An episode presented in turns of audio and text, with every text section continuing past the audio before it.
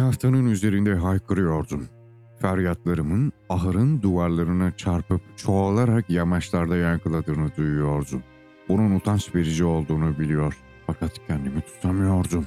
Çiftçileri beni çözmeleri, acılarıma son vermeleri için yalvarıyordum. Onlara ne isterlerse yapacağımı söyledim çocuk sesimle. Tanrılara sesleniyordum. Sayers'un beni duyabildiğini biliyordum. Ya bana olan sevgisiyle buraya gelir, o da benim gibi tahtaya çakılırsa umurumda değildi. Acımın sona ermesini istiyordum. Adamlara beni öldürmeleri için yalvardım. Çivilerin elimdeki kemikleri parçaladığını hissediyordum. Artık asla mızrak kullanamayacak, bahçe kazması bile tutamayacaktım. Bir sakat, bir çolak olacaktım. Yaşamım sona ermişti. Hem de en aşağılık, en onursuz bir biçimde. Suratıma bir yumruk yedim. Adamlar tahtayı ayağa dikip duvara dayadılar. Çakılı olduğum yerde kıpırdanıyordum. Yukarı vadiden sokak çocukları toplanıp benim feryat edişimi izliyorlardı. Kızlar paçavralarımı çekiştiriyor, mahrem yerlerimi dürtüklüyor. Oğlanlar üzerime işiyorlardı. Köpekler çıplak tabanlarımı kokluyor. Benimle karınlarını doyurmayı umuyorlardı. Artık boğazımdan ses çıkmayınca bağırmayı kestim. Çivilerden ellerimi kurtarmaya çalıştım fakat adamlar hareket etmemi önlemek için bileklerime bağladıkları kayışları daha da sıktılar.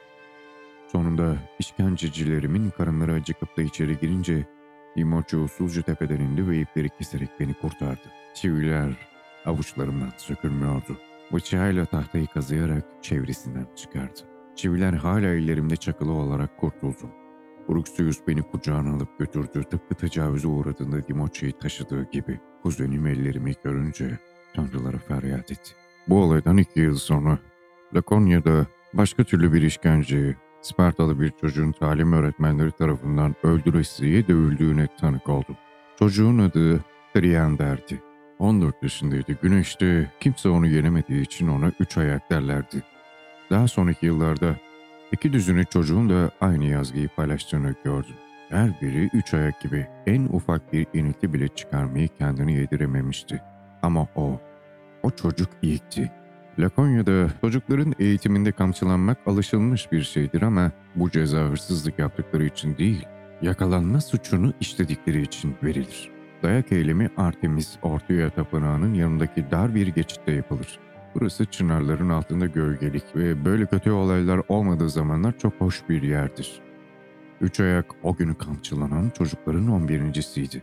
İrene denen ve bu işe nezaret eden iki talim öğretmeninin nöbetini başka ikisi almıştı. Bunlar 20 yaşlarında, çıraklıktan yeni çıkmış ve şehirdeki diğer gençler kadar kuvvetli bir yapıya sahiptiler. Kamçı sırası gelen çocuk iki ağacın arasına uzunlamasına tutturulmuş bir demir çubuğu kavruyordu. Bu çubuklar onlarca hatta yüzlerce yıldır bu işte kullanıla kullanıla kaygan bir hale gelmişlerdi.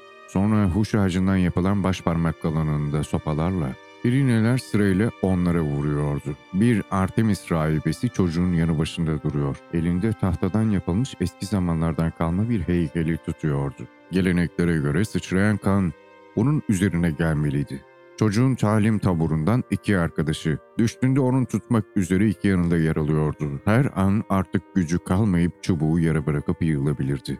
Bunu can acısıyla kendilerinden geçtiklerinde yaparlardı. Ama çoğu artık bu acıya dayanamayacak hale gelince kendilerini bırakıverirdi. O gün 100, 200 seyirci vardı. Başka taburlardan çocuklar, babalar, kardeşler, öğretmenler, hatta bazı çocukların anneleri bile gelmişti. Üç ayak dayandıkça dayanıyordu. Sırtının etleri yer yer parçalanmış. Aradan dokular, kaburgalar, adeleler, hatta bel kemiği görünüyordu. Ellerini bırakmıyordu. İki arkadaşı düş, düş artık diye bağırıyorlardı. Fakat üç ayak kabul etmiyordu. Talim öğretmenleri bile artık çubuğu bırakması için yavaşça fısıldıyorlardı. Çocuğun yüzüne bakıldığında artık aklın ötesine geçtiği görülüyordu. Pes etmektense ölmeye karar vermişti. Pireneler böyle zamanlarda yapılması gerekeni yapmak için hazırdırlar. Üç ayağı üst üste çok şiddetli dört darbe indirip bayıltacak ve hayatını kurtaracaklardı. Bu dört darbenin çocuğun sırtında çıkardığı sesi hala unutamam. Üç ayak yere düşünce talim öğretmenleri işkencenin sona erdiğini ilan ettiler ve bir sonraki çocuğu getirdiler. Üç ayak elleri ve ayakları üzerinde doğruldu. Ağzından burnundan kan fışkırıyordu. Göremiyor, konuşamıyordu.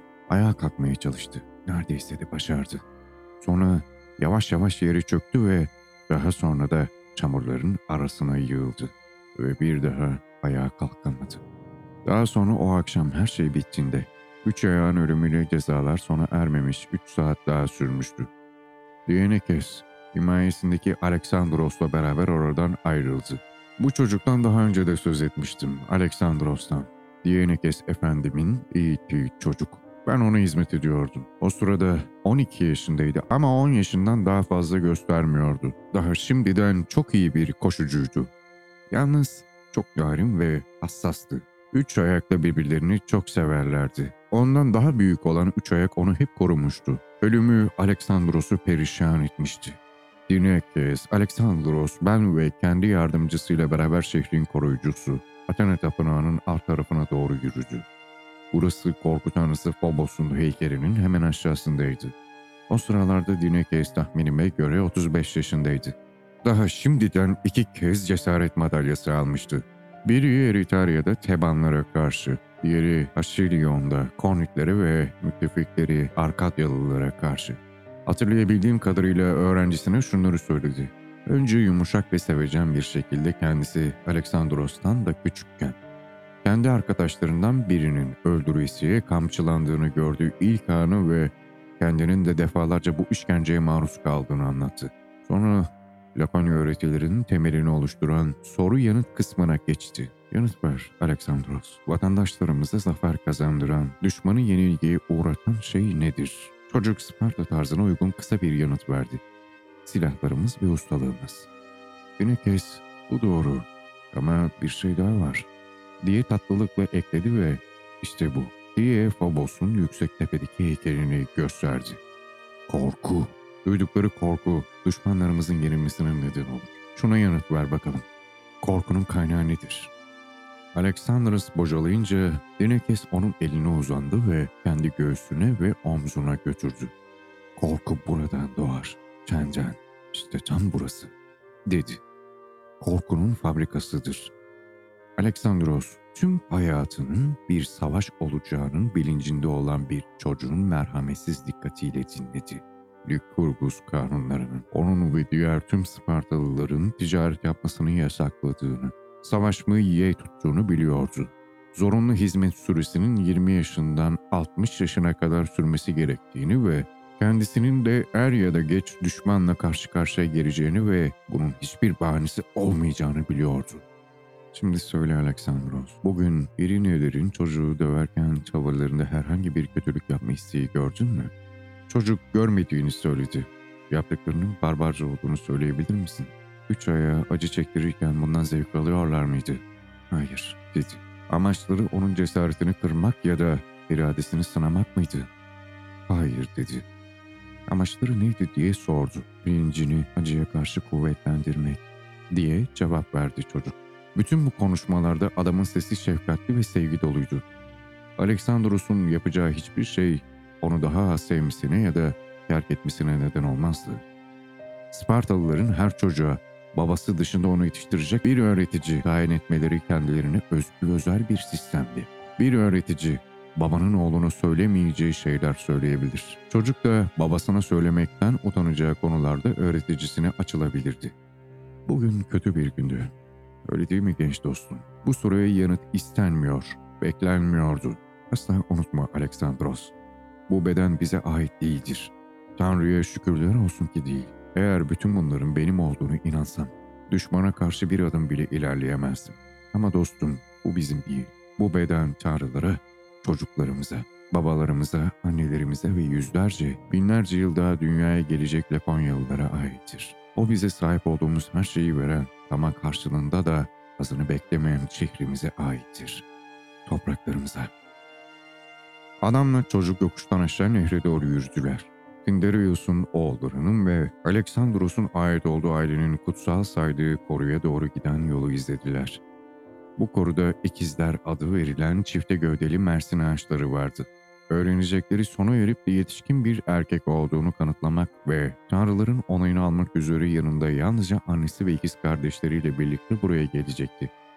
Kez ikizlerin dibine yere oturdu. Alexandros'a da yanına oturmasını işaret etti. Bana kalırsa arkadaşın üç ayak akılsızca davrandı. Bugün onun gösterdiği gerçek Andrea değil, cesaret değil, gereksiz bir kafa tutmaktı.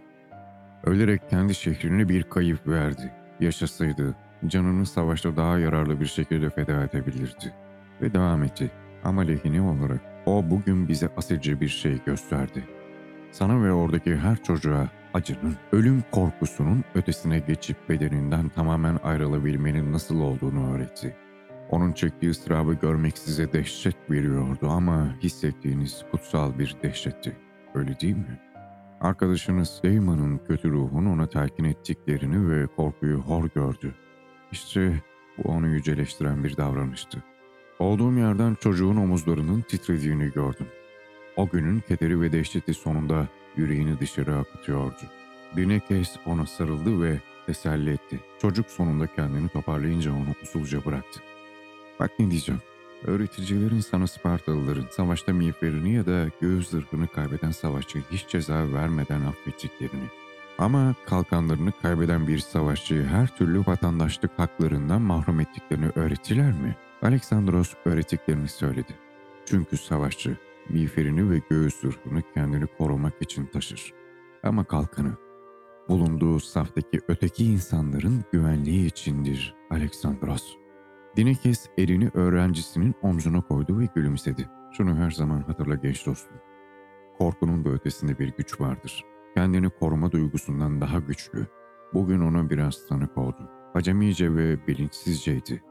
Ama oradaydı ve gerçekti. Dostun üç ayağı hep hatırlayalım ve bunu bize gösterdiği için ona saygı duyalım.